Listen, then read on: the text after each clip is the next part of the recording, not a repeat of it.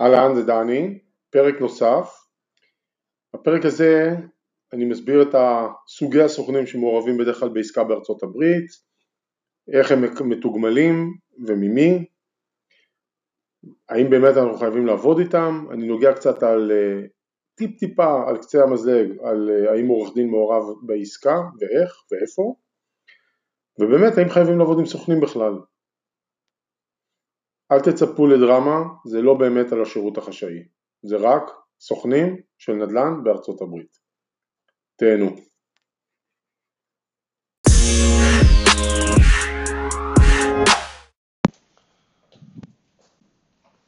בפרק הזה אני רוצה לדבר על כל הנושא של סוכנים בארצות הברית, סוכן או סוכנים, הכוונה לסוכני נדל"ן, האנשים שמעורבים בתהליך של אה, רכישה וקנייה של נכסים.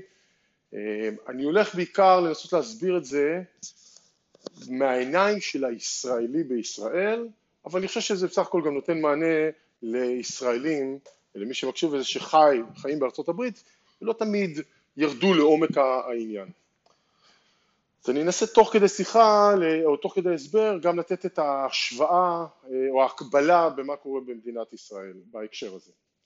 עכשיו אני רק אגיד, כשזה מגיע למדינת ישראל, אה, מבחינת אה, סוכני נדל"ן, ההיכרות שלי מאוד מינימלית, אז אני אומר את זה, קחו את זה בערבון מוגבל, כי אני כבר הרבה שנים חי בארצות הברית, אה, אין לי ניסיון, ב, או ניסיון ממש מינימליסטי בעבודה עם סוכנים בישראל, זה הכל מהיכרות מלחיות בעולם הזה.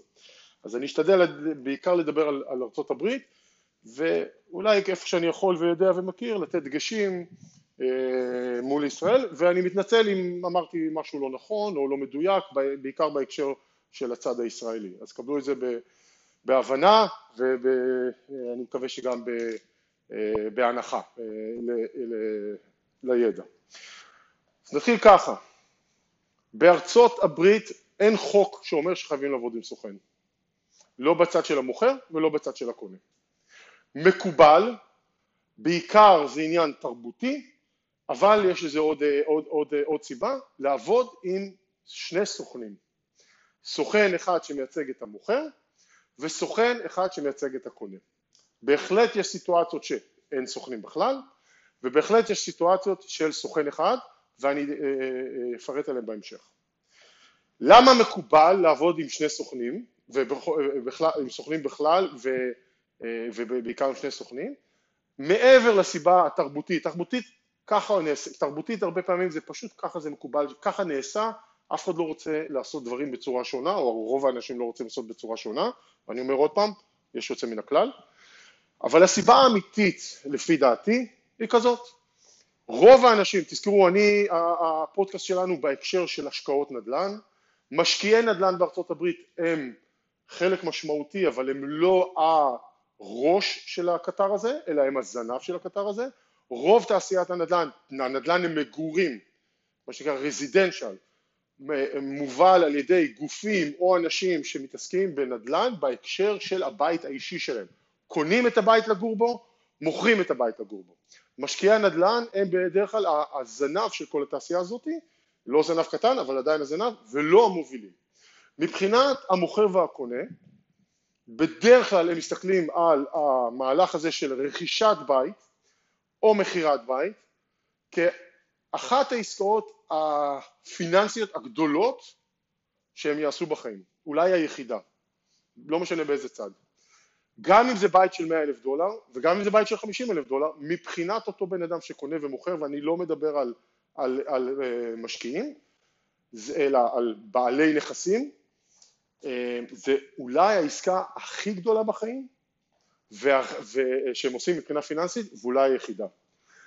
והם גם לא עושים את זה בתדירות גבוהה בכלל, זאת אומרת יש המון המון חשש, המון המון פחדים, מטעויות, מאי הבנה של החוק, מאי הבנה של, של איך של תהליך הוא צריך לקרות וכדומה.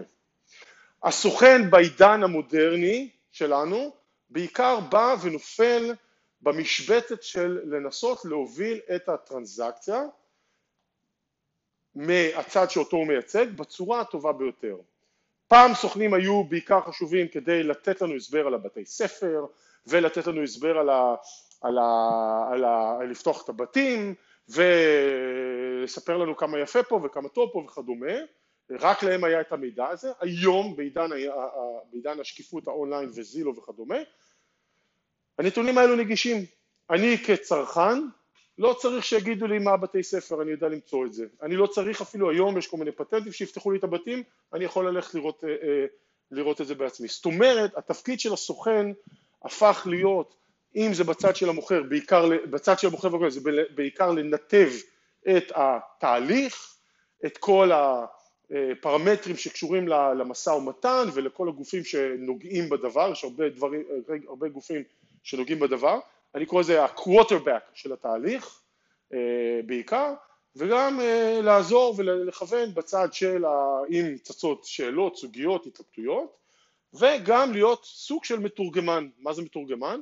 יש לנו חוזה, החוזה, לא יודע מי מכם קרא, אה, לעין הבלתי מנוסה, גם לעין המנוסה, החוזים הם שונים ממדינה למדינה, חוזה רכישה מכירה של, של נדל"ן, יש הרבה טרמינולוגיה וז'רגון שלא אה, אה, ברורה, או למה התכוון המשורר, אני יכול להגיד לכם שגם בתור בן אדם מנוסה, אני קורא סעיפים, אני יכול לקרוא אותם 4, 5, 6 פעמים, ו...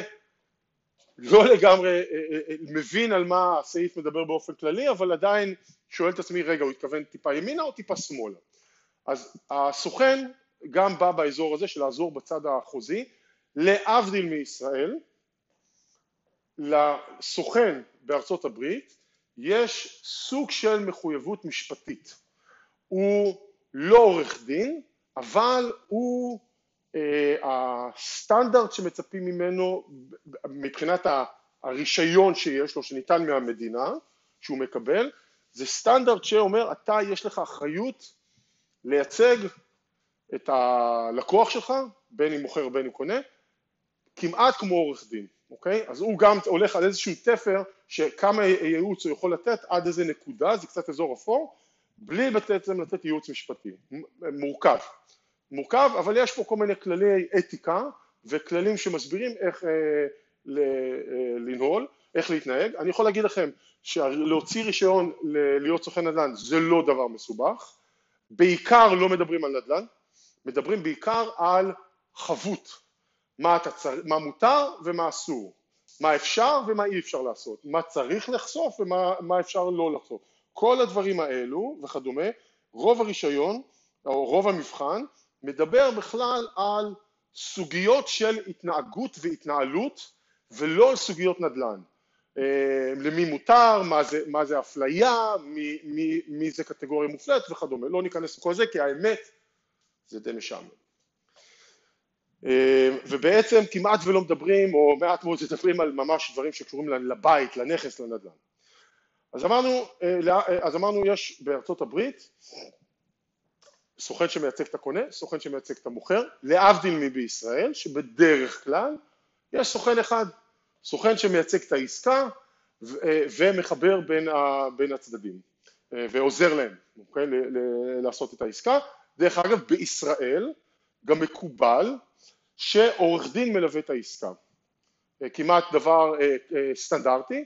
בארצות הברית זה מתחלק לשתי סוגים של מדינות, בהרבה מאוד מדינות אין חובה שעורך דין ילווה את העסקה כמו בארץ ובעצם חברת הטייטל יש את האחריות שלה לתפור את כל הקצוות האלו והעורך דין לא מעורב בעסקה בצורה ישירה. העורך דין של חברת הטייטל יהיה מעורב רק אם עולה סוגיה ויש איזה בעיה או עורך דין של קונה או מוכר יהיה מעורב רק אם יש איזה צריך להתייעץ, רוצים שמישהו יעבור על החוזה וכדומה. זאת אומרת, מי שבא מישראל ומצפה לפגוש עורך דין בעסקה, בהרבה מאוד מדינות בארצות הברית לא יפגוש את העורך דין, תהיו מוכנים לזה. זה לא אומר שהעסקה לא יכולה להתקיים, רק זה הנורמה.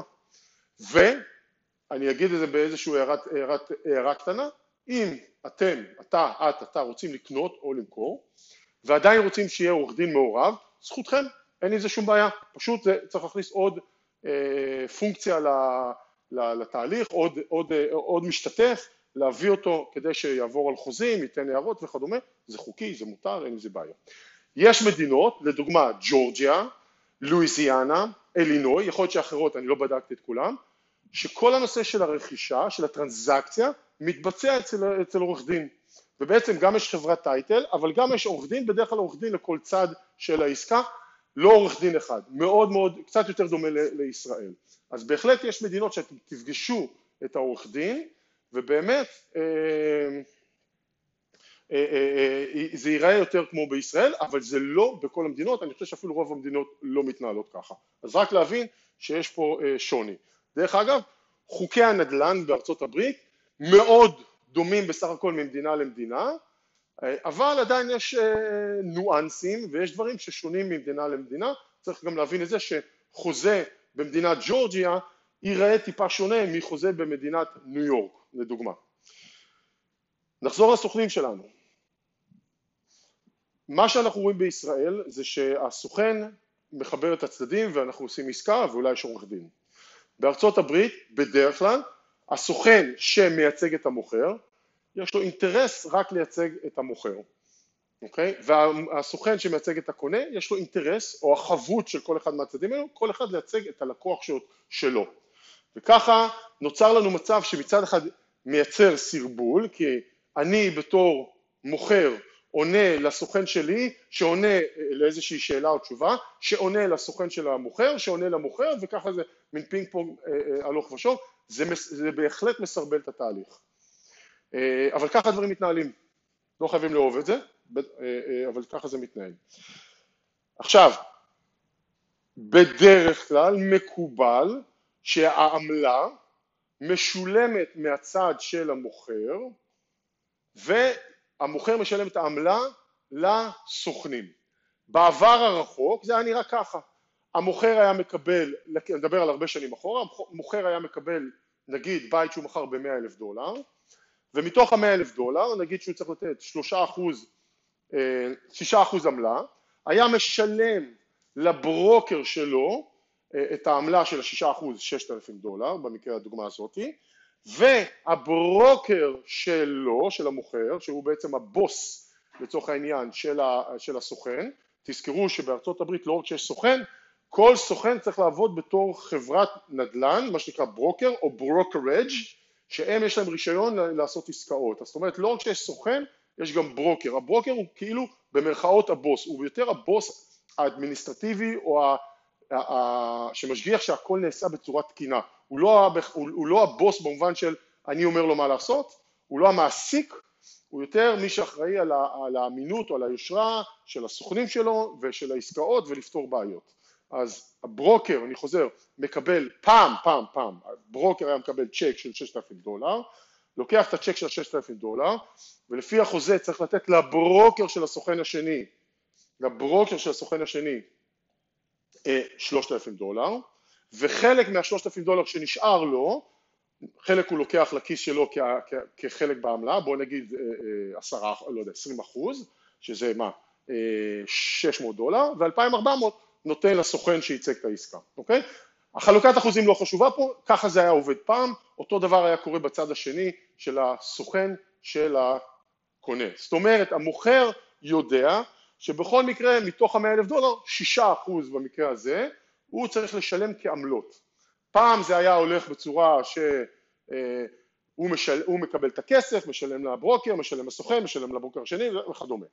היום פישטו את זה, ובעצם במעמד ה closing, חברת ה escrow משלמת ישירות לברוקרים, לא לסוכנים, את העמלה. זאת אומרת אין פה יותר מצב שהמוכר מחכה, צריך לתת צ'ק ושהברוקר אה, צריך לתת לברוקר השני, אלא כבר עושים את זה בתוך הסליקה של העסקה והיום הכל נעשה בצורה יותר יעילה, אוקיי? אז בסוף הכל מה שהשתנה זה איך זה, איך זה מוזרם, עדיין העמלה יורדת לרוב מהצד של המוכר, מתוך המאה אלף דולר, המוכר יודע שהוא הולך לקבל פחות, ככה זה אה, מקובל, ככה זה נעשה, שישה אחוז זה די נורמה של עמלה בארצות הברית, אוקיי? אבל זה לא אומר שזה מה שקורה. יש הרבה מאוד פעמים שאתם תראו שהעמלה היא פתוחה למשא ומתן, אפשר להחליט על עמלה גבוהה יותר, נמוכה יותר, אה, חלוקה שונה, בהחלט רואים חמישה אחוז וגם ארבעה וחצי אחוז ולפעמים גם פחות והכל פתוח. ואני יכול להגיד לכם שמניסיון האישי שלי בהחלט היו פעמים שכשראינו שצריכים למצוא איזשהו פתרון יצירתי בשביל לגשר על כל מיני פערים בתוך העסקה אפילו הסוכנים באו ואמרו, או שביקשנו מהם, זה קרה מספר פעמים, תחתכו בעמלה שלכם, תחתכו בעמלה שלכם, כדי שנוכל כולנו לגשר על פערים כספיים ולסגור את העסקה, הכל בשביל שזה יצא לפועל, וזה קרה לי מספר פעמים, שבאמת סוכן שהיה אמור לקבל לכאורה שלושה אחוז, קיבל שני אחוז, אפילו אחוז וחצי, רק כדי אה, לעשות את העסקה ולהתקדם הלאה, בסך הכל הם מתוגמלים רק כשיש עסקה והיא נסגרה. זאת אומרת יכול להיות שסוכן יעבוד, יעבוד, יעבוד, יעבוד, יעבוד, יעבוד אה, ולא יקרה כלום ואז הוא, אה, אם לא, לא קרה כלום, הוא עבד עכשיו אה, כמה זמן ולא קרה כלום והוא לא קיבל כסף. דרך אגב יכול להיות שהחוזה איתו גם התקשר, ההתקשרות איתו גם הסתיימה. עכשיו, כמה נקודות חשובות. דבר ראשון, האם אני חייב לעבוד עם סוכן? לא, לא חייבים. אם אני המוכר, הסוכן, אה, אם אני לא אעבוד עם סוכן, יהיה לי קשה, עדיין אפשרי, אבל יהיה לי קצת יותר קשה ומסורבל, להכניס את הנכס ל-MLS, זה אפשרי. אה, אם אני לא ב-MLS, אני בהחלט, אה, פחות אנשים ייחשפו לנכס שלי. ואפשר למצוא דרכים איך כן להיכנס ל-MLS ולא לעבוד עם סוכן בצורה המסורתית. יש כל מיני פטנטים שנוצרו בשנים האחרונות איך לאפשר את זה. אה, אחת הסיבות שמוכרים, מוכרים אני מדגיש, רוצים לעבוד עם סוכן, הם מהסיבות הבאות, מעבר למה שציינתי קודם על המקצועיות והקווטרבק של התהליך, יש גם את העניין של לפתוח את הבית, להראות אותו, לעשות עוד אופן האוס, הרבה פעמים יש סוכנים שבאים ואומרים תשמע, תסדר את הבית, צריך לעשות ככה ולנקות אותו ולהציג ולשים ריהוט, כל מיני, כל סוכן יביא איתו איזה שהם אלמנטים של ניסיון כדי למקסם, למקסם ולעזור לה, להצלחה של המכירה. הרבה פעמים אנשים חושבים, מה הוא כבר עושה? לקח כמה תמונות והעלה את הנכס ל-MLS ובזה נגמרה עבודתו ועכשיו הוא מחכה שהבית יימכר. התשובה הפשוטה היא, זה, זה באמת נראה ככה. אנחנו כבני אדם, יש לנו נטייה באופן כללי תמיד לחשוב על מישהו אחר שהוא עושה משהו שזה עולה לו בהרבה פחות זמן ומאמץ ממה שזה נראה. זה פשוט משהו שטבוע בנו. אני מניח שכולכם הייתם בסיטואציה שבה גם חשבתם כמה כסף הבן אדם הוא עושה, מה הוא כבר עושה, ובפועל כשאנחנו מסתכלים, אם אנחנו נשליך את זה על עצמנו, נדע שבהרבה דברים שאנחנו עוסקים, תמיד יש הרבה, הרבה יותר עבודה ממה שזה נראה בפועל, תמיד יש הרבה יותר תקשורת, שאלות, לענות, לפתוח, לעשות, לתקן, לסדר, להגיב וכדומה. אז אל תמעיטו בעבודתו של הסוכן, אני בהחלט ראיתי סוכנים שעשו בערך מה שאמרנו, צילמו, העלו ל-MLS והשוק היה חזק, הבית היה ממוקם טוב, הגיע קונה פוטנציאלי תוך יומיים ונמכר, זה קורה, ובאמת אותו בן אדם עבד יחסית מעט. הרבה פעמים זה לא ככה, הרבה פעמים צריך להכין את הבית, לבוא כמה פעמים, לנסוע, לבדוק וכדומה, ובעצם למקסם את היכולת שיווק של הבית, שלא לדבר על זה, שסוכן טוב מוסה גם איזושהי תוכנית שיווקית. מה זה אומר? מעבר לשים בהם ה-MLS, מה עוד אפשר לעשות כדי לקדם את המכירה של הבית? ויש הרבה מאוד דברים, אני לא נכנס אליהם כרגע, שאני למדתי לאורך השנים של מה שאפשר לעשות, אוקיי? אז חשוב מאוד לא להמעיט בעבודתו של הסוכן בעיקר אם יש לנו בית שהוא קצת יותר מאתגר מסיבה זו או אחרת ובעיקר אם לוקח יותר זמן אז לא, לא מה שנקרא, לא, לא, לא לזלזל רק בגלל שלמראית עין מה כבר הוא עושה, שלושה אופן האוזז ו... אה, והעלה ל-MLS, שככה אנשים נוטים לבטל את המאמץ. אני רק אגיד, אני בעל רישיון נדל"ן, רישיון, אבל אני לא סוכן אקטיבי שמייצג מוכרים או קונים. אז אני מכיר את זה בעיקר מהצד של הצרכן, בין אם אני קונה ובין אם מוכר, בהיקפים מאוד גדולים של, של צרכן. אז זה המרב ההיכרות שלי עם הרבה מאוד סוכנים, הרבה מאוד שנים. אמ, אני חושב שכולנו מבינים שדווקא העבודה של הסוכן, של הקונה, היא באמת לנסוע איתו, לבדוק, לעזור, למצוא, לנתח, כל הדברים האלו, אז נראה, לפעמים נראה, אני חושב שהסוכן של הקונה, אם אנחנו מבינים שיש לו, יותר, נראה שיש לו יותר עבודה, אנחנו לא, אה, לא, לא אה, מבטלים את, את עבודתו. עכשיו בואו נדבר רגע על כמה דברים. אחד, האם אני יכול או כדאי אה, לעבוד עם סוכן אחד? זאת אומרת סוכן, מה שנקרא, שמייצג את שני הצדדים. אז אני אגיד ככה, באנגלית קוראים לזה dual agent, או לפעמים זה נקרא dual agency, אבל זה, אה, אה, ראיתי גם מקום שזה נקרא limited agent, זאת אומרת יש פה מושג שיכול להיות שהוא שונה ממדינה למדינה, המשמעות שלו במילים פשוטות סוכן כפול, זאת אומרת ממש כמו שאנחנו מכירים את המושג הזה הוא מייצג את שני הצדדים כמו שזה אה, נעשה בארץ, אוקיי? עכשיו יש אפילו מדינות, ואני לא יודע להגיד איזה, לפחות אחת שאני זוכר שנתקלתי ואני לא זוכר איזה, שאסור לסוכן להיות סוכן כפול, אוקיי? אסור בחוק, ויש, אה, אה, רוב המדינות יגידו שאם מישהו סוכן רוצה להיות סוכן כפול, הוא צריך לחשוף גילוי נאות ולהחתים את הצדדים שמצהירים שהוא סוכן כפול, שהם מבינים, עד כדי כך, אחרת אסור לו לעסוק בזה. עכשיו, בואו נחשוב רגע על מה שנקרא הלכה למעשה, מה קורה כשאנחנו עובדים עם סוכן כפול? האם הוא מייצג אותי? האם הוא מייצג את המוכר? הוא יודע דברים מהצד אחד והוא לא, לא יכול לחשוף? הוא יודע דברים מהצד השני והוא לא יכול לחשוף? זה שם אותו באיזושהי פוזיציה בעייתית, מורכבת. אני חושב שאנחנו מסתכלים על החיים העסקיים, אנחנו רואים הרבה פעמים מה שנקרא ניגוד עניינים או ניגוד אינטרסים, זה כמעט בכל מקום. האם העורך דין נותן לי את העצה הכי טובה או שהוא נותן לי עצה שגם עוזרת לו לכיס? האם אה, כשאני הולך לסוכן והוא אומר לי בוא נציע קצת יותר פרייס, הוא נותן לי את העצה בגלל שהוא באמת חושב ככה, או שזה משפיע לו על הכיס. זאת אומרת, אנחנו, אין הרבה מקומות שאנחנו לא ניגע בהם ונחשוב, ב, ב, ב, ב, או המחשבה תעבור בראש, נגיד, בטח יש לו איזשהו אינטרס, לא בטוח שנקשיב למחשבה, אבל היא שם. זה נראה לי משהו מאוד נורמטיבי בעולם של עסקים בכלל.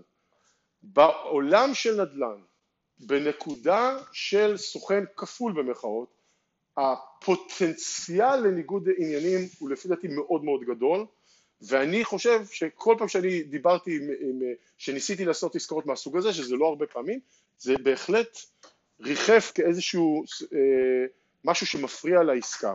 זאת אומרת, אני מאוד לא אהבתי את, הרעיון הזה, זה באופן בסיסי בעייתי.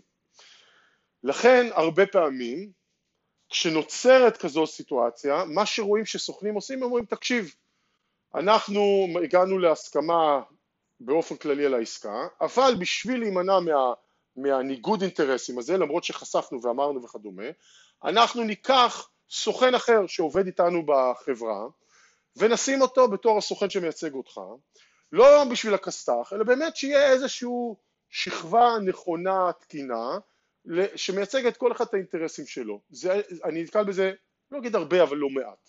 זה גם נראה לי מאוד הגיוני. בסך הכל הבאנו מישהו אחר שלוקח את ה...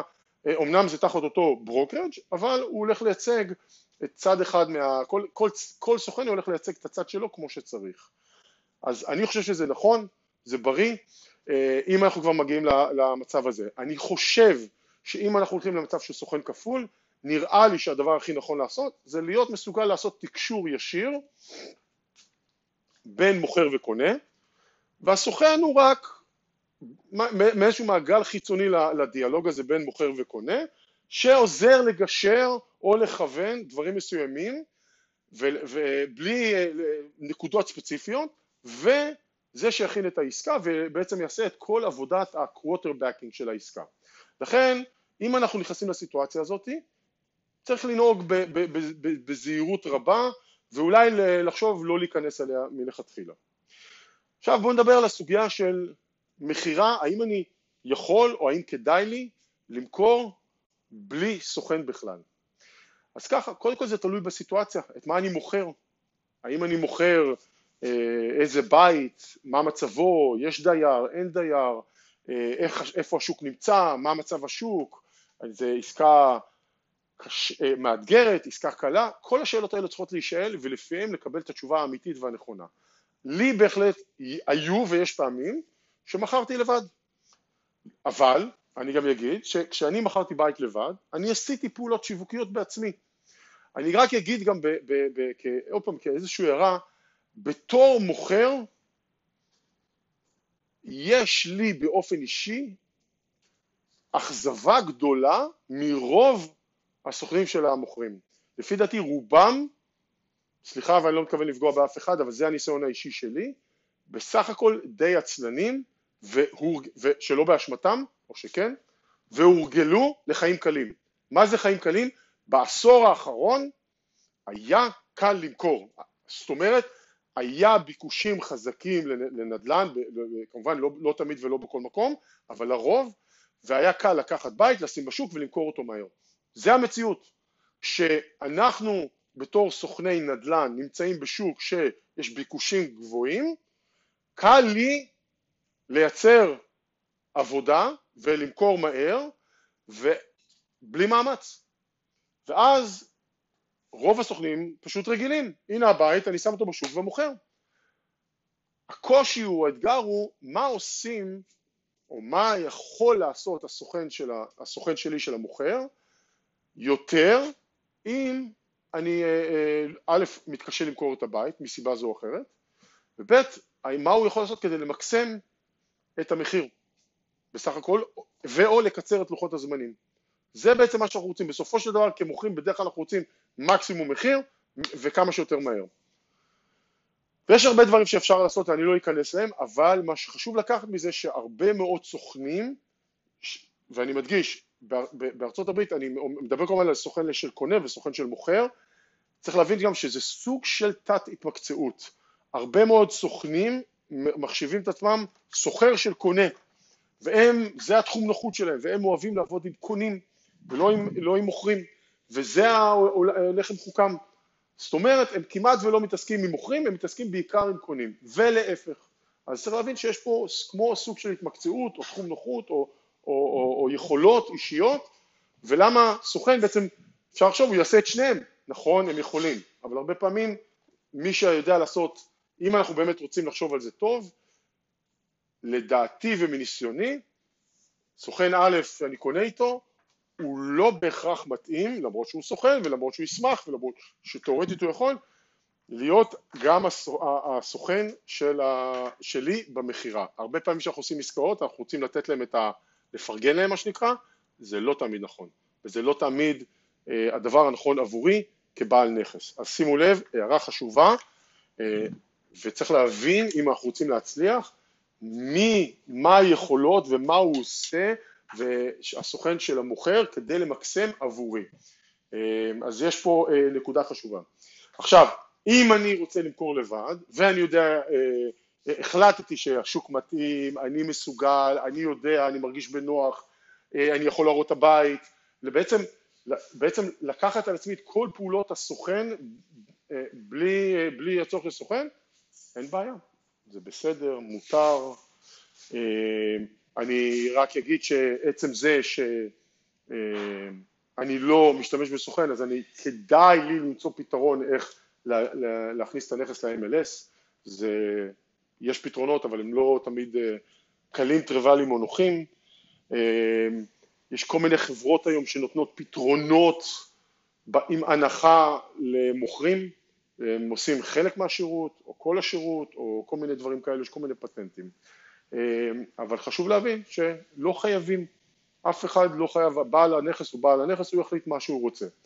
נקודה נוספת שעולה, זה האם אני, כשאני בדרך כלל משתמש בסוכן, סוכן ברכישה, הסוכן של הרכישה לרוב לא מקובל, למרות שזה לא, לא נדיר, אבל זה פחות רואים את זה, בדרך כלל לא מחתימים אותי כקונה על מה שנקרא אקסקלוסיביטי, בלעדיות. אה, זה בהחלט נתקלים בזה אה, לא מעט, אבל זה לא מאוד, אה, לא הייתי אומר שזה דבר מאוד נפוץ, ואז אני יכול להחליט האם אני רוצה לחתום על בלעדיות או לא.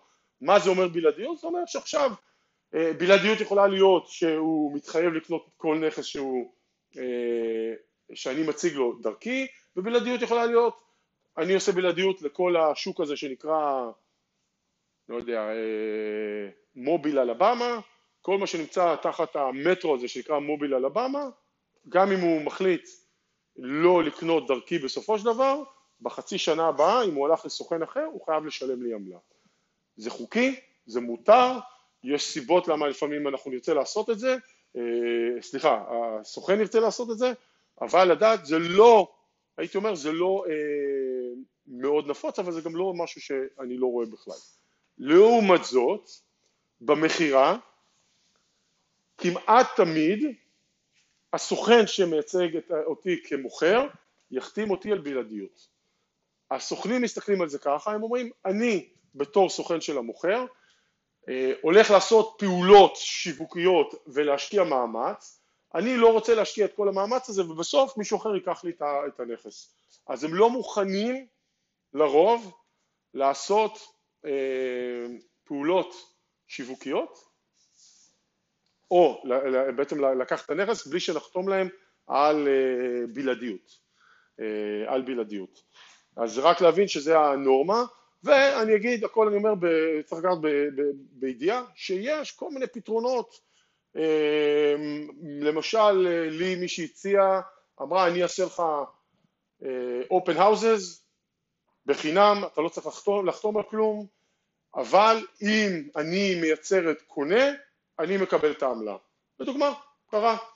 אז יש כל מיני פתרונות יצירתיים כאלו ואחרים של סוכן אה, בעל יוזמה, של רשת, של אפליקציה כזו או אחרת שאפשר להשתמש בהם, אבל הדבר הכי חשוב להבין זה א', למה יש פה שני סוכנים ובארץ בדרך כלל מקובל אחד, מה האחריות שלהם, מה, אה, מה האג'נדה של כל אחד מהם, את מי הם מייצגים, מה זה סוכן כפול ומה המורכבות שיש בזה, ובאמת עולה השאלה האם אני חייב להשתמש בסוכן בכלל, נתקלתי בזה אה, בעיקר ברשתות אה, השונות. עד כאן הפרק הזה, הסוכנים, סוכן כפול, סוכן מוכר, סוכן קונה, קצת השוואות מול ישראל, אפילו נגענו קצת בכל מה שקשור לעורך דין אה, מעורב בעסקה. אה, וזהו, אם יש שאלות, תגובות, אתם מוזמנים אה, להגיב בפייסבוק, מוזמנים לכתוב לי לאימייל, לינקדאין, איפה שאתם רק רוצים, אני כמעט בכל רשת חברתית, באמת בנקודה הזאת אני רוצה גם להגיד תודה, בפרק הקודם אפילו ביקשתי ממי שמקשיב והגיע עד לסוף הפרק, ביקשתי להגיד, אשמח לקבל מכם פידבק, רק תגידו הקשבתי, תודה, משהו בסגנון הזה, באמת יש בחור נחמד שכתב ואמר אה, עשה, פעל, אמר, הקשבתי, שמעתי, אני עדיין לא בשל לקנות, אבל אני מאוד מעריך את האינפורמציה, אז אתם מוזמנים אה, לפעול בדיוק כמו הבחור הזה, וכמובן, אני אגיד לכם יותר מזה, אם יש איזה נקודה, נושא שאתם חושבים שיכול לעניין ואפשר לעשות מזה אה, פרק, אם אני מרגיש בנוח לדבר על זה, אני אשמח. בסך הכל אני מביא דברים שאני נתקל בהם ביומיום שלי, ואני אומר וואלה, נקודה מעניינת לפרק נוסף, וכשיש כמה דקות פנויות אני מעלה את זה כ, כעוד פרק. תודה Feliz também.